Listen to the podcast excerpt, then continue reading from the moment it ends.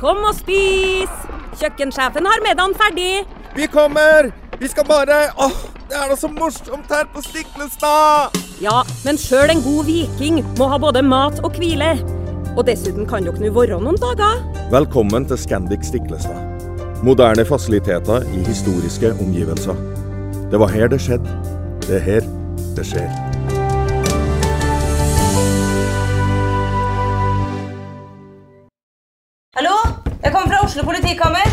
Ine Jansen er purk. Er du purk? The motherfucking bitch. Alt jeg vil, er å finne ut hva som skjedde med mannen min. Jon Carew. Er jeg sikta for noe? Iben Akeli. Det er du. Ole So, Lars Berrum og Big Daddy Karsten. Hvem sin side er du på, egentlig? Anette Hoff, Tone Danielsen, Kommer du fra Afrika? Jørnis Josef, Nesten. Kløfta. Trond Espen Seim, Det er synd å si det, men det var feil mann som døde. Purk. Premiere tirsdag på TV2 Play.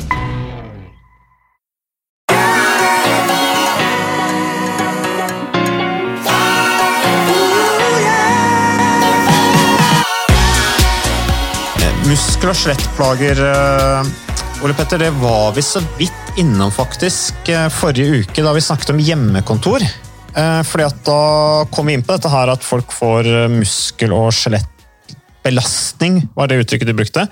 Og så parerte jeg med å sa at ja, men er det ikke egentlig mangel på muskel- og skjelettbelastning som gjør at vi får belastningslidelser? Fordi at vi er så i mye ro at til slutt kroppen skriker av smerte. Um, så, så muskler skjedde, Vi har jo snakket mye om det mentale, hjernen, at vi tenker bedre, blir mer produktive, uh, mer kreative. uh, dette mot depresjon og tungsinn og sånne ting. Men sånn rent fysisk, da. Hjerte, uh, muskler, ledd, lunger, skjelettmuskler, ikke sant? Det, muskel- og skjelettlidelse. Altså, jeg, jeg så noen tall her. Rapport fra Oslo Economics presentert i dagensmedisin.no falt jeg over eh, her i dag tidlig. Og Der står det smerter i korsrygg og nakke er den viktigste årsaken til ikke-dødelig helsetap i Norge. Prislappen for den tapte helsen alene er på rundt 165 milliarder kroner i året. Eh, Og så er det da fordelt disse milliardene på, på ulike, bl.a. 41,4 av disse 165 milliardene går da i redusert yrkesdeltagelse og økt sykefravær. Eh, Og så bladde jeg litt videre på nettet, og så kom jeg over en sånn kilde på Norsk Revmatikerforbund, som jo da slår et slag for fysisk trening. Og da skriver de trening, mosjon, bevegelse er den viktigste ikke-medikamentelle aktiviteten du kan gjøre eller få hjelp til fra en fysioterapeut. Riktig trening, skriver de, som jo vi er veldig enig i, har stor helseeffekt og eh, reduserer behovet for annen type behandling. Og Så bladde jeg litt videre, og så kom jeg over til Norges, eh, eller NI, NHI, Norges eh, Det blir altså Norges NHI, det blir Er ikke det Norsk helseinformatikk? Jo, det er det. .no. NHI.no. Ja. Fysisk trening forebygger og står sentralt i behandling og rehabiliteringen av muskel- og skjøtelidelser.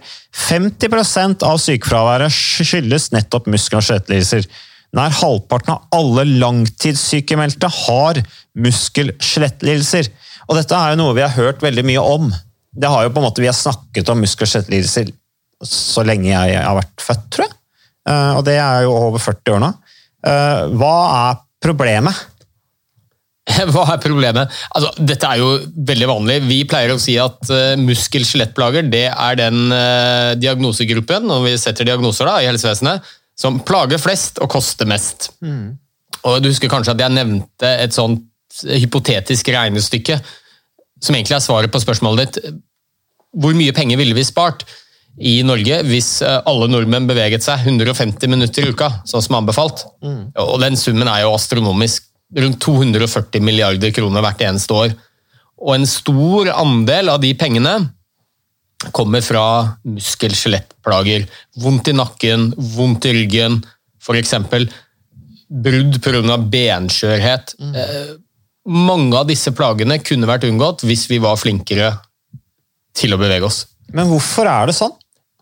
Da, da tror jeg kanskje vi må skue litt til evolusjonen nok en gang. da. Altså, Vi mennesker er jo laget for å være atleter. Altså, vi har en kropp som er ekstremt utholdende, vi har mye styrke. Og vi er laget for å være i variert bevegelse. Og når vi er i variert bevegelse, så, så styrker vi de muskelgruppene vi trenger, eller tidligere har trengt da, for å overleve. Vi var jegere, vi måtte flykte, vi måtte slåss. Og så har vi kommet til en eh, situasjon i dag hvor eh, vi har ikke lenger de utfordringene. Maten kjøper vi på butikken og har ingen naturlige fiender. Og så sitter vi stille storparten av dagen og jobber. Og vi beveger oss riktignok lite grann, men det er veldig mye monotone bevegelser. Samme bevegelse om og om igjen. Som eh, rett og slett vi ikke er laget for. Så inaktivitet eh, er den viktigste årsaken til at vi får muskel-skjelettplager. Punktum. Ja, så folk kan altså sitte seg til ryggsmerter. Ja, og så er det en som sier ja, men vi har da alltid sittet, har vi ikke det da? Altså, jo, da våre første forfedre satt de òg, men de satt, på hu, eller satt med beina i kors eh, rundt bålet, eller Det som er helt unaturlig, er jo den sittestillingen vi har, med en stol med en ryggstøtte. Eh, som gjør at ryggen ikke jobber i det hele tatt. Og um, Sånn som jeg sitter nå. Nå sitter jeg veldig slapt henslengt. ja, Det gjør for så vidt jeg også. Ja. Vi burde jo egentlig hatt Du sitter litt rettere Ja, enn det jeg gjør nå. Det har jeg fått hørt av min mor, at jeg må rette meg opp i ryggen. Så um, Nei, men eh, altså vi Det at vi er så mye i ro, og at vi ikke har en variert belastning av muskulaturen vår, gjør at vi ofte blir veldig svake. Da. F.eks. i den kjernemuskulaturen vår, magen, ryggen. Og Det er en viktig årsak til at vi får smerter fra ryggen. Altså, ryggen vår er helt slett ikke vant til den typen belastning som vi av og til påfører den, og så får vi muskelsmerter. Så det aller viktigste man kan gjøre for å forebygge muskel-skjelettplager, er å være i variert aktivitet. Og det vil si eh, drive med aktivitet som bedrer blodsirkulasjonen, gir bedre kondisjon, styrketrening. Så kunne jo de aller fleste av disse plagene vært forebygget. Ja, for at, eh, altså Jeg bare merker for min egen del, eh, jeg husker når jeg sykla sjøl, så var det jo vi trente opp ryggen og magen, bli sterke i ryggen og magen, for å unngå å få eh, smerter i korsryggen når vi sykla. Ja, ja. Eh, Men da er vi jo i aktivitet. ikke sant? Det er belastningen i pedalene som vi gjorde at vi fikk vondt. Men hvis du sitter på et kontor, og så har du vondt i korsryggen, eh, så har jeg jo faktisk snakket med noen som sier at ja, det hjelper jo å trene. Det lindrer smerten. Og noen har også trent seg av de smertene ved at slett bare blir sterkere i ryggen. Og det er jo helt utrolig, for de fleste får jo råd om å ikke gjøre noen ting når de får vondt i ryggen. Ja, Det er heldigvis i ferd med å endre seg litt. da. Jeg husker jo veldig godt da jeg var nyutdannet lege, det er mange år siden, det var på slutten av 90-tallet. Og Da var det jo ganske vanlig når noen kom med akutt innsettende ryggsmerter, og kanskje til og med ryggsmerter de hadde hatt over lang tid, så var jo beskjeden fra helsevesenet at ja, nå, nå må du virkelig ta det med ro, og så får du kanskje en sykemelding, og så får du noe smertestillende og blir bedt om å holde deg i senga nærmest en liten periode. Og det er klart Ved enkelte helt akutte innsettende ryggsmerter så er det jo fornuftig å ta det med ro noen dager. Men eh, det aller viktigste du kan gjøre for å komme deg fortest mulig på beina igjen, det er jo å begynne å bevege deg så snart det er mulig. Og det er jo blitt mye mer eh, Fått mye større gjennomslag nå i helsevesenet. Så, så hvis du går til en fysioterapeut eller en lege i dag med kroniske ryggsmerter, så er det sjelden du får beskjed om å holde deg i ro.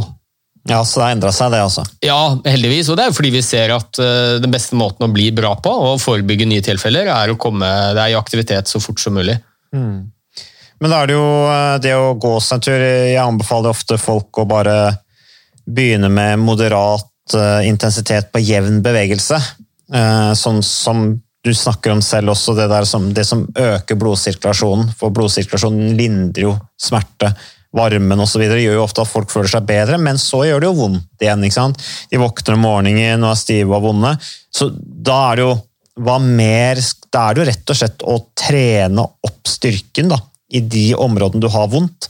Og det synes vel sikkert noen er krevende, fordi at det er jo gjerne å, å på en måte jobbe med det området hvor du har smerter. Ja, men jeg, jeg tror personlig at vi ikke trenger å gjøre det så veldig vanskelig. Eh, Hvis det er sånn at du har et håp og ønske om å forebygge ryggsmerter, og det er viktig, fordi én av fire nordmenn lever med langvarige ryggplager. Og rundt 30 av eh, alle sykemeldinger i Norge skyldes kroniske smerter i muskel-skjelettsystemet. Og det er den nest viktigste årsaken til ufør i Norge etter psykiske lidelser. Så er det ikke fancy styrkeøvelse for mage og rygg vi først og fremst trenger. Vi trenger bare å bevege oss litt mer. Sant? Og vi vet at 75% av befolkningen er definert som inaktive. De aller fleste har en stillesittende jobb, kanskje spesielt i dag med mye hjemmekontor. Det er ikke rart vi får vondt i ryggen. Eller vondt i nakken. Så eh, jeg tenker noe av det aller viktigste vi gjør, det er bare å rett og slett bevege oss bitte litt grann mer når vi ikke jobber, og så kan vi gjøre noen enkle grep på arbeidsplassen også. Vi vet f.eks. at det å stå når du jobber, ha en ståpult, bare det gjør jo at du reduserer risikoen for å få kroniske ryggplager ganske, ganske betydelig. I tillegg øker blodsirkulasjonen til hjernen, sånn at du presterer bedre på jobb også. Og så kan du dra det enda lenger. Jeg har gjort en studie og sett på ansatte som, eh, som har vanlig kontorjobb, men som har byttet ut stolen sin med en sånn gåmølle. Ja, Tremølle, den går ikke veldig fort, altså. Så du får ikke løpt intervall på den. Nei. Men den har en eh, Produserer den strøm? Ja, om det produserer strøm. Det, Kan den? det er godt mulig de kan det, men de fleste er elektriske, så du må plugge den inn. Ja. Så de krever strøm. Og um, Hvis du går på den, så er det en såpass lav hastighet at det er ikke noe problem å gjøre vanlig kontorarbeid. Nei. Sitte i telefonen, eller stå. mm. I telefonen, jobbe på PC, går helt fint. I løpet av en vanlig arbeidsdag så har du kanskje gått 5-6 kilometer.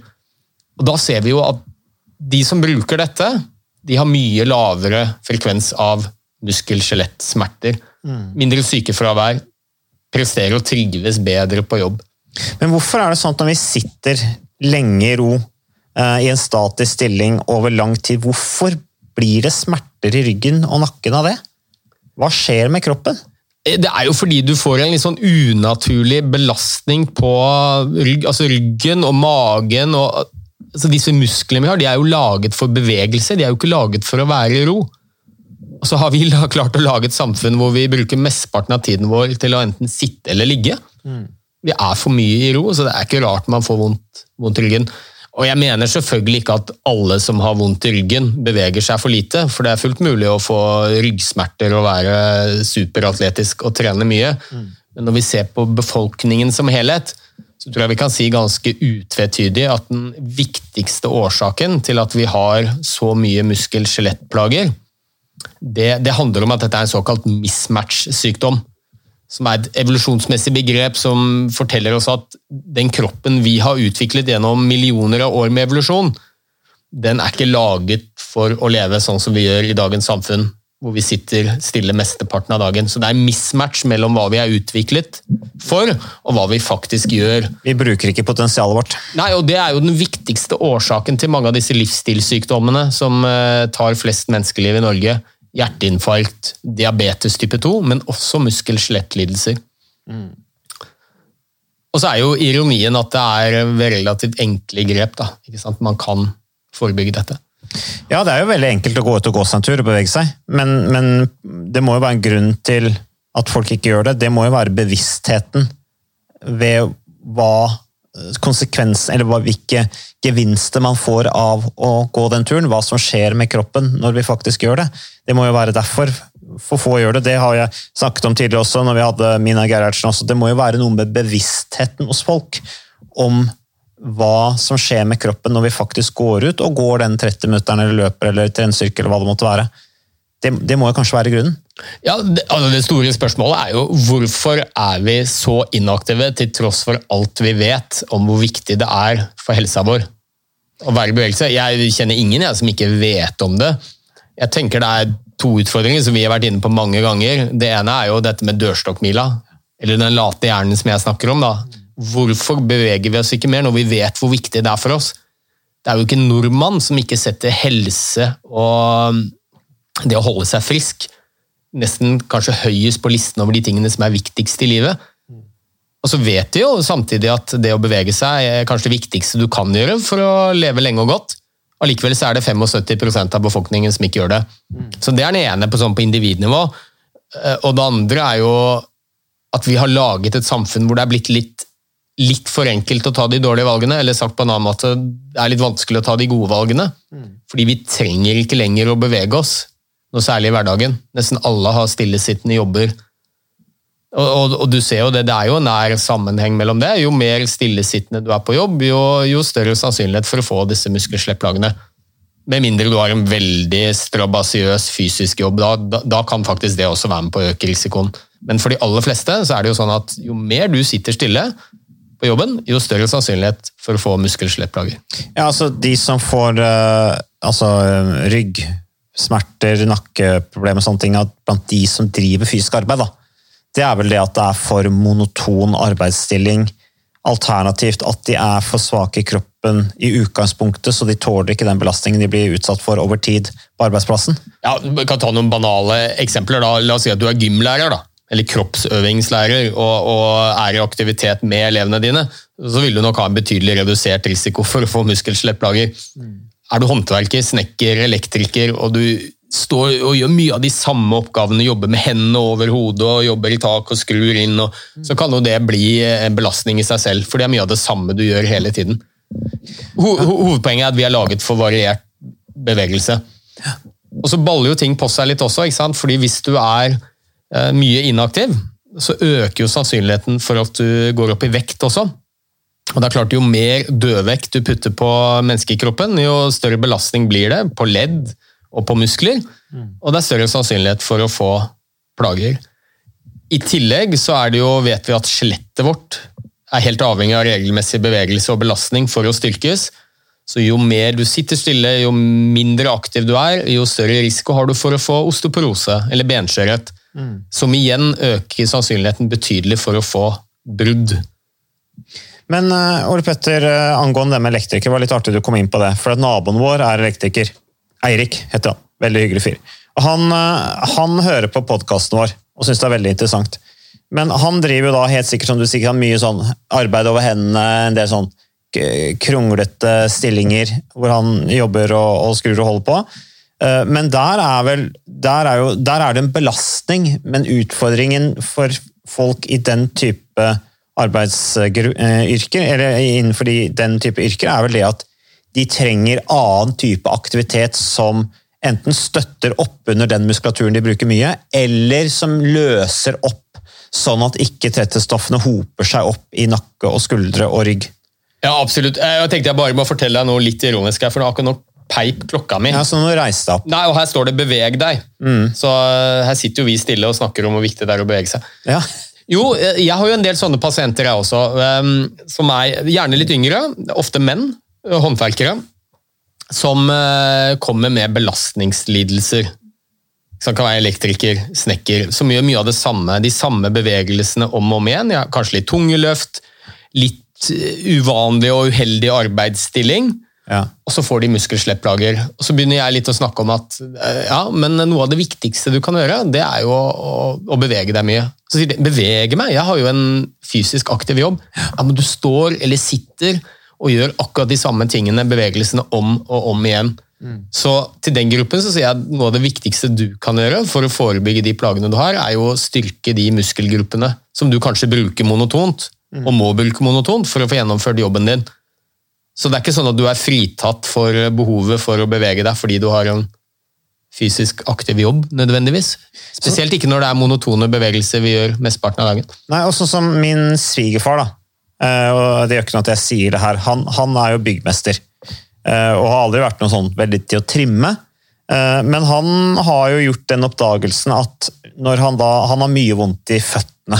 For Han står mye på betonggulv. Sånn typisk ensidig belastning. Og han har gjort den oppdagelsen at når han er ute og går en tur med sin kone, min svigermor, så har han mindre vondt i føttene om kvelden. Men det kommer jo tilbake. Men etterkant av at han har gått, så føler han seg bedre. Og Det tenker jeg, det er jo da en god erstatning til de som eventuelt har samme type smerter, men de istedenfor å gå ut og gå seg en tur, så tar de smertestillende. For det er jo et ekstremt forbruk av smertestillende i samfunnet vårt, som kanskje kunne vært unngått hvis man gikk ut og beveget seg, og da i tillegg fikk den gevinsten at man fikk styrket lunger, hjerter, eh, muskulatur, eh, den mentale effekten. Ja, jeg tror ikke det er noe tvil om det. at uh, Veldig mange av de medisinene vi bruker, spesielt smertestillende medisiner, de går til pasienter som har kroniske muskel-skjelettsmerter. Og det er jo ikke noe vanskelig å forstå at de eh, ønsker å ta disse medisinene og tar dem, fordi de gir jo selvfølgelig symptomlindring. Men noe av det viktigste vi kan gjøre da, for å forebygge at du kommer dit hvor du trenger, opplever at du trenger smertestillende medisiner på slutten av arbeidsdagen eller fordi du har mye vondter, det er jo å bevege oss mer. Og så tenker jeg at dette er ikke bare et individuelt ansvar. Ja, selvfølgelig er det vi som individer som må, bør bevege oss mer for vår egen helse, men tenker også myndighetene har et stort ansvar for å legge forholdene litt mer til rette for at det blir litt lettere å ta de gode valgene. ikke sant? At vi har tilgjengelige sykkelstier, og barn og unge og voksne også kan bevege seg trygt på vei til arbeidsplasser med sykkel eller gå, uten å bli, ha høy risiko for å bli kjørt i hjel. Eh, At det er mer fysisk aktivitet i skolen, sånn at man får inn gode vaner tidlig.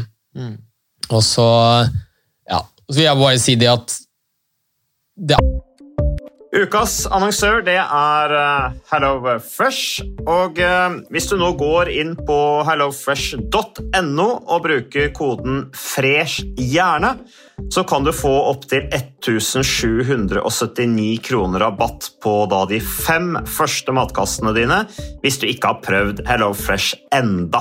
Og Ole Petter, vi er jo glad i Hello Fresh i podkasten Hjernesterk, eh, selvfølgelig fordi at de er en annonsør. De er med og bidrar til å spre det glade ordet om fysisk aktivitet og god helse. Men i tillegg så har jo vi også nå lang erfaring med Hello Fresh eh, selv. Så vi må jo si at det har vært gode erfaringer til nå. Ja, absolutt. Visste du, Mats, at HelloFresh er faktisk verdens ledende matkasseleverandør? Og tilbudene til HelloFresh gjør det enkelt å lage gode og varierte retter som skaper matglede. Og matglede vet du, det er like viktig som hva du putter i munnen. Det å spise mat med folk du trives med. Så gjennom 25 nye og inspirerende retter hver uke så bidrar HelloFresh til dette. Du kan bestille ekstra porsjoner om du får gjester, eller hoppe over uke hvis du f.eks. skal bort. Og Det er ingen bindingstid, og du velger leveringstidspunkt og dag selv, så leverer HelloFresh matkassen din akkurat når det passer deg.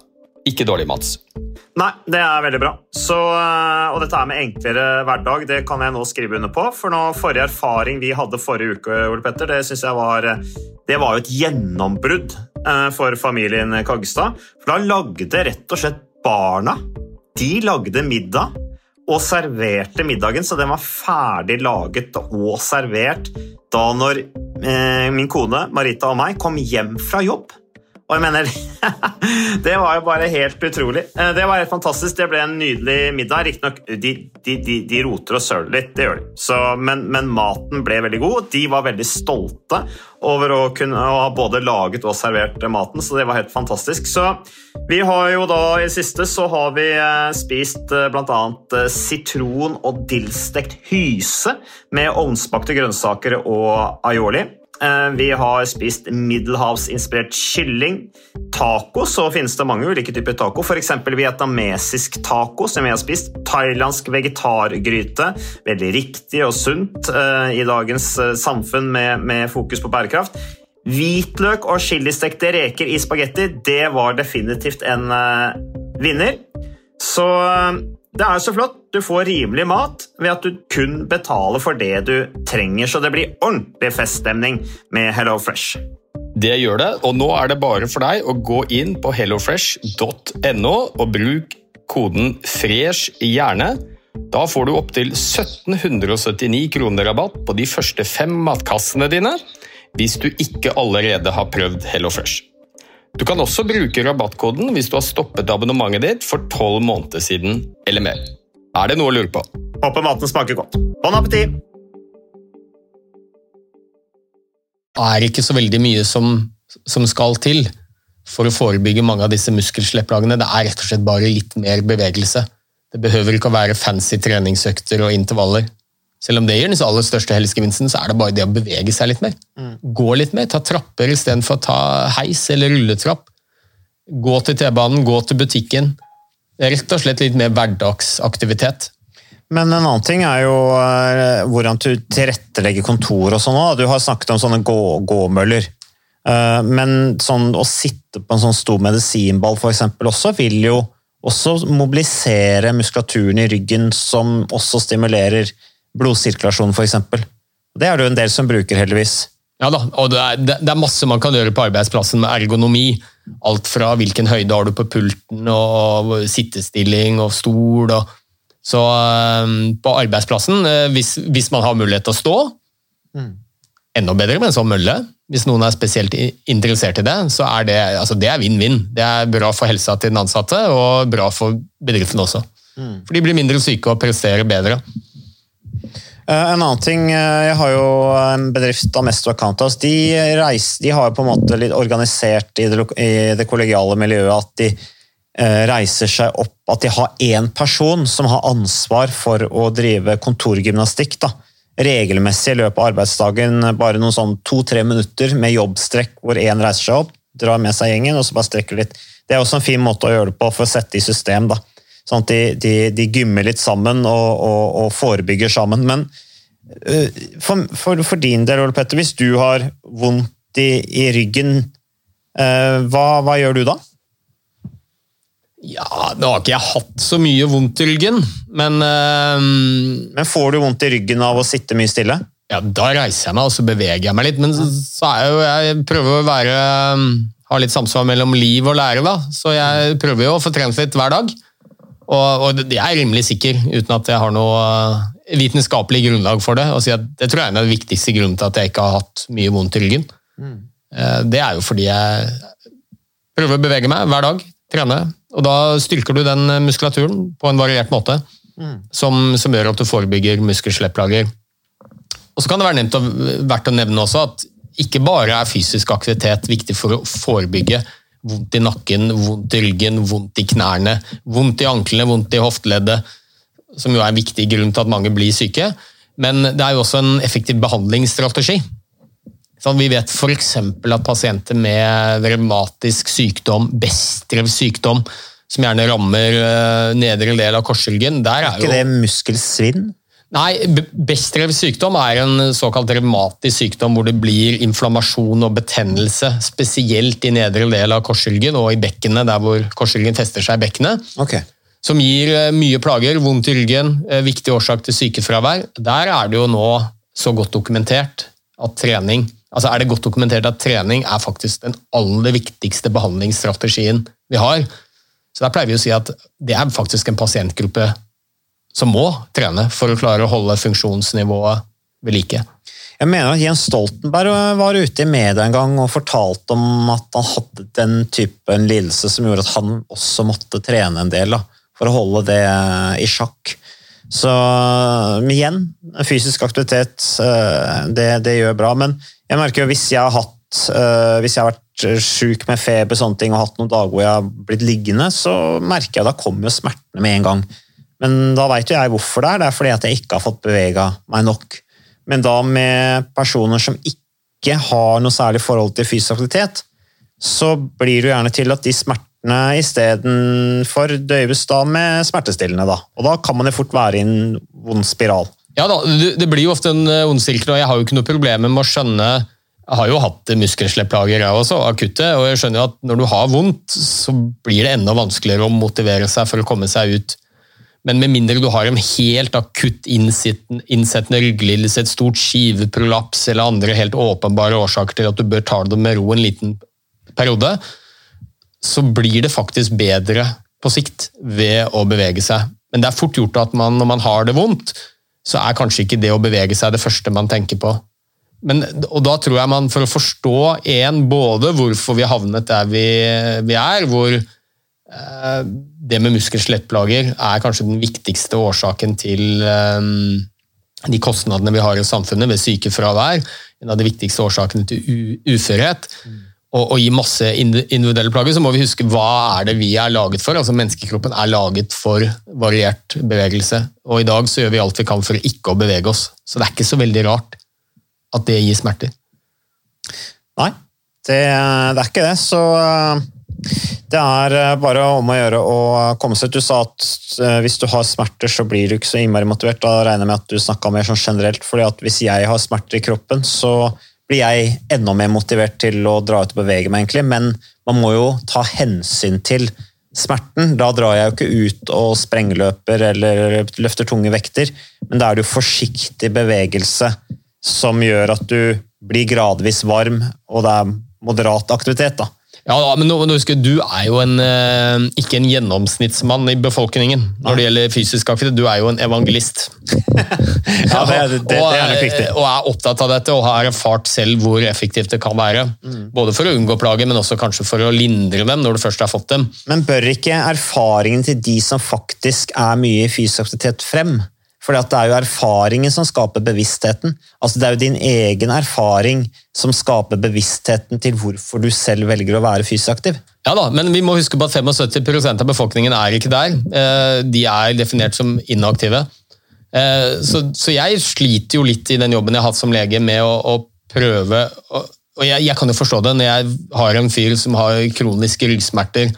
Har utelukket at det ikke er noe alvorlig sykdom, det kan være slitasje, det kan være muskulært betingede ryggsmerter, som kanskje er det aller vanligste. Så vet jo jeg, både fra forskning og egen erfaring med jobbet som lege i mange år, og fra mitt eget liv også, at noe av det aller beste den pasienten kanskje kunne gjort, det var å komme seg ut og bevege seg litt. Men jeg møter jo en del skepsis, Ja. og jeg kan jo forstå det. N- Når du har Ja, For de har jo ikke erfaringen. Nei, de har ikke erfaring, og så krever du jo selvfølgelig krever jo en del av deg. Og så har vi jo et sånt samfunn som er blitt veldig opptatt av eh, når vi har det vondt, så, så skal vi ta noe for å lindre smerten. Og det er klart det er mye enklere å, å ta en smertestillende tablett, så får du lindring med en gang, enn å kanskje sette deg ned og, og lete etter motivasjon for å komme deg ut og bevege deg. Så da pleier jeg å si at ok, men kan ikke vi gjøre en avtale om at du prøver, hvis pasientene er skeptiske og ikke har helt troen på at det å komme seg ut skal være noe hjelp for de plagene de har, kan ikke, vi, kan ikke vi lage en avtale om at du prøver et par ganger i uka, i et par uker, og så møtes vi igjen, og så forteller du meg hvordan det har gått. Ja. Hva sier de da? Nei, altså, Det er jo nesten unisont, de aller fleste. Og gjerne med litt sånn overraskelse. Jeg vet du hva, jaggu santen, jeg, jeg, jeg følte meg mye bedre. Jeg fikk mindre vondt i ryggen jeg var ute og beveget meg. Men eh, føler du da at det, er, at det har skapt en bevissthet og en forståelse for sammenhenger? Eller, eller oppfatter du det som at de bare tenker ja, det var interessant, men de følger ikke opp noe videre? Nei, det får jo ofte pasientene til å reflektere litt, og jeg tror vi som jobber i helsevesenet, at hvis vi har et inderlig ønske om å hjelpe noen, hvor vi tenker at det å være mer bevegelse det er en viktig strategi for at de skal få det bedre, men du sliter kanskje litt med å få gjennomslag for det, at vi skal eh, prøve å sette oss i pasientens ståsted også. Jeg kan ta et eksempel. Jeg har jo en del pasienter som er som er veldig overvektige, og de er veldig klar over det selv. Så kommer de kanskje for å få hjelp til å gå ned i vekt. Så er det en del som sier ja, og så, og så har jeg veldig vondt i kneet. Jeg har hatt vondt i det høyre kneet mitt nå i et halvt års tid. Og så tenker jo jeg da at ja, mm, det er kanskje ikke så rart. Fordi du veier jo 150 kilo. Mm. det er klart det gir en voldsom belastning på kneleddet ditt. Det er, er nok sannsynligvis den økte vekten din som gjør at du har fått kneleddsartrose eller slitasjegikt i kneet. Og, da- og da har jeg noen valg. Da kan jeg jo si det. Ja, ja, men det er jo ikke noe tvil. Denne, de der kneplagene du lurer på, det er ikke noe å lure på. Det er jo fordi du er tjukk. Da kan du tenke deg hvordan pasienten tar imot det. Det kan jeg forstå at du ikke sier. Nei, det sier jeg jo ikke, men, men det er jo en del som sier det. Ja. Og, og det du, da skaper du ikke noe spesielt god allianse med pasienten. Nei, nei, altså det er klart, du, du gjør jo pasienten samtidig en bjørnetjeneste ved ikke fortelle dem hva som kan være årsak til smerten. da. Ja, så Men det er jo det der å motivere dem til å ta tak i det og se at her går det an å gjøre noe med det. Hvis de er motivert for det. Ja da, og hele poenget mitt er hvis du skal prøve å hjelpe noen, kanskje spesielt med livsstilsendring, da, så må du skape en allianse med dem. De må ha tillit til deg, du må ha tillit til dem. Eh, Og det skaper du kanskje ikke ved å rette en pekefinger og si at ja, men du, du, er, du er jo tjukk, eller du er overvektig, det er det som er grunnen til kneplagene dine. Eh, Så kanskje man isteden kan ha en liten, litt annen approach. Eh, Så jeg pleier å spørre pasientene hva tenker du om din egen vekt? Ja.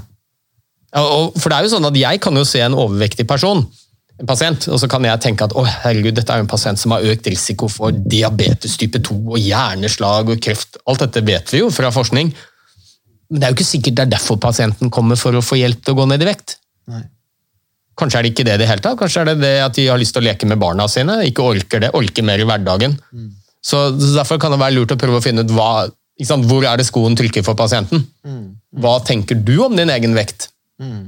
Eller hva tror du kan være årsaken til kneplagene dine? Ja, Det er et veldig åpent For da får du ofte pasienten til å reflektere litt, og innerst inne så ser de kanskje at jo, når du sier det, eller når du stiller spørsmål og sånn, jeg tenker jo at vekten min er et problem.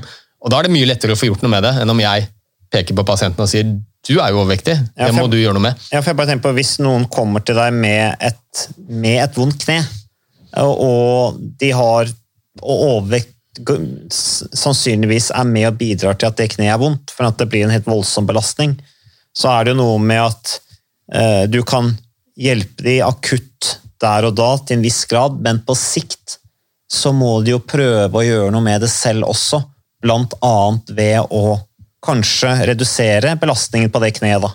Ja da, og det? Jeg kan jo gi de masse råd, jeg. Mm. Si at ja, men det er vekten din som er problemet, du bør gå ned så og så mye vekt. Men jeg tror du kommer mye lenger hvis du hjelper pasienten til å finne egne løsninger. Vi, er my vi omfavner løsninger som vi kommer med selv, mye bedre enn instrukser vi får av andre. Så prøv å få pasientene til å reflektere litt om hvorfor de har havnet i den situasjonen de har, både med tanke på vekt kanskje og muskel-skjelettplager. Få de til å finne løsningen sjøl. Et annet poeng, et siste poeng her, Ole Petter, som vi jo har pratet mye om på podkasten, det er dette her med, med barn. Eh, og, og det som sto her også på denne nhi.no, det er jo det at barn og unge er i dårligere form enn tidligere, veier mer og får en økt belastning på skjelett og muskler. Eh, det var vel Min far hadde noe statistikk som han har brukt en stund, hvor, han, eh, hvor den gjennomsnittlige 15-åring i dag sa han for noen år siden, er syv kilo tyngre enn for tror jeg, 30 år siden, ja, han sa. Um, og hvis det stemmer, så øker da belastning på skjelettet allerede fra tidlig alder, eh, og gir jo da en slitasje som da vil slå ut kanskje tidligere enn før. Så der igjen kommer jo også dette med fysisk aktivitet i skolen inn. da. Eh, At allerede der så ligger jo liksom en tikkende kostnadsbombe fra ung alder, eller på barneskole, ungdomsskoletrinnene, eh, som, som vil gi skje- muskel-skjelettlidelser. Ja, utvilsomt. Nå har jo um, hyppigheten av muskel-skjelettlidelser, kroniske muskel- muskel-skjelettsmerter, de har holdt seg ganske konstant over lengre tid. Men vi tror jo, hvis vi ser litt inn i um, glasskulen, at det kommer en bølge med enda mer, uh, nettopp fordi vi har økt så mye i vekt, som igjen henger sammen med in inaktivitet. Eh, Og det er jo da gjerne barn og unge som ennå ikke har rukket å utvikle disse kroniske belastningsskadene, fordi de tross alt er unge. Men det er klart å gå med altfor mange kilo over lang tid, det, det gir en betydelig belastning på muskel-skjelettsystemet, som vi ikke er laget for. Så er du en av de, så bare vær tålmodig. Ja, Du vil si noe mer, Ole Petter? Nå, nå Ja, skal nei, jeg bare i gang med en avslutning. Jo, men eh, Du kan bare ta den avslutningen, Nei, så det- kommer jeg med en liten kommentar på slutten. Vet du. Det jeg skulle si, Ole Petter, det var at er du en av de som er litt tung, og du skjønner at du har lyst til å gjøre noe med det, eh, så bare bruk tid. Det er, det er, det er mitt råd. Altså, ikke, ikke, ikke si neste måned eller eh, til jul, eh, men om to år, da skal jeg ha redusert vekten min med en god del, da, eller 20 for eksempel. Det må være to år fram i tid. Og kostholdet er kjempeviktig. Det er på en måte, det er kiloene. Og så er det den fysiske aktiviteten som bygger opp styrken, utholdenheten din, som bidrar til å dempe sukkersuget, som gir deg en interesse i livet som kanskje kan erstatte det å sitte og spise så mye.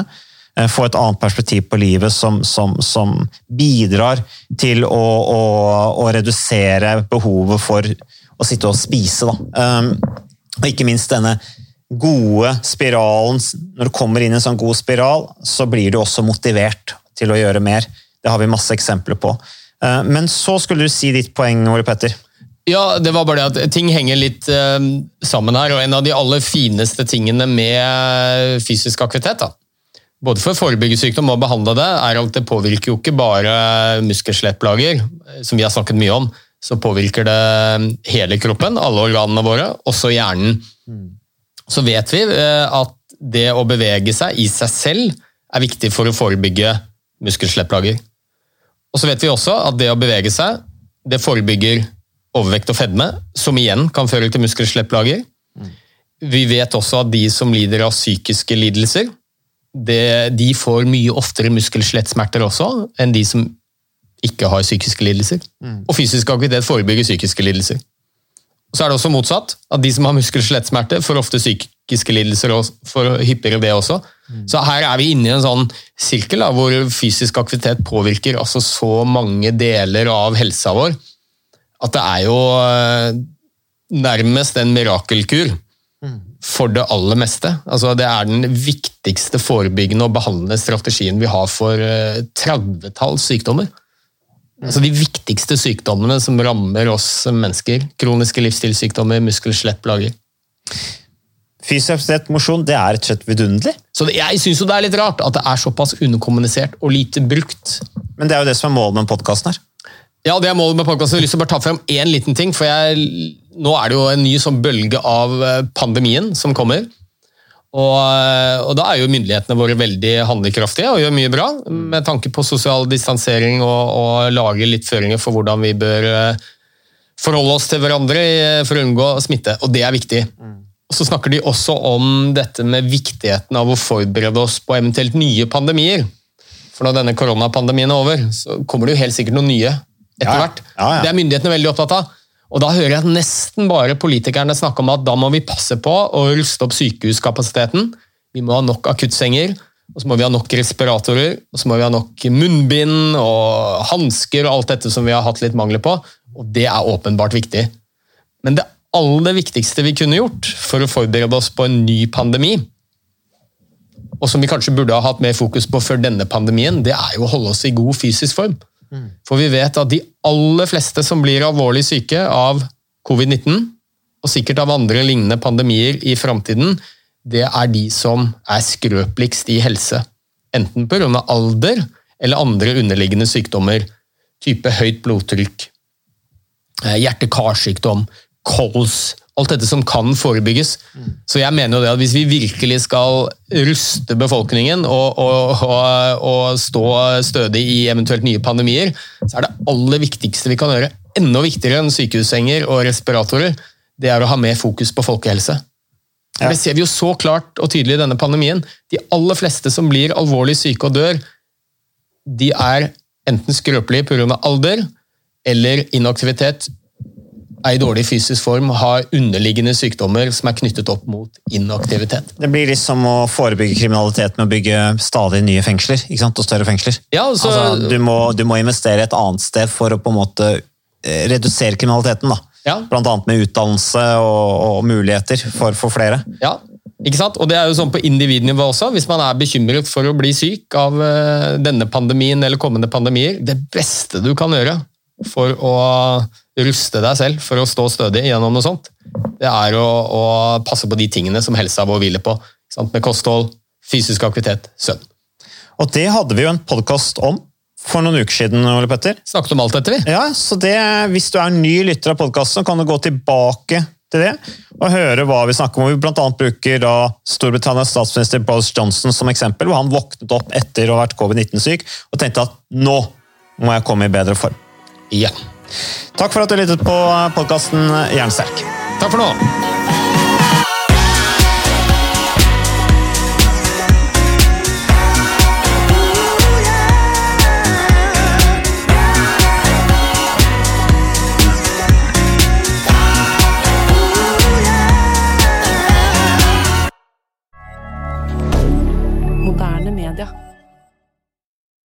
Har du et enkeltpersonforetak eller en liten bedrift? Da er du sikkert lei av å høre meg snakke om hvor enkelt det er med kvitteringer og bilag i fiken, så vi eh, gir oss her, vi. Fordi vi liker enkelt. Fiken superenkelt regnskap.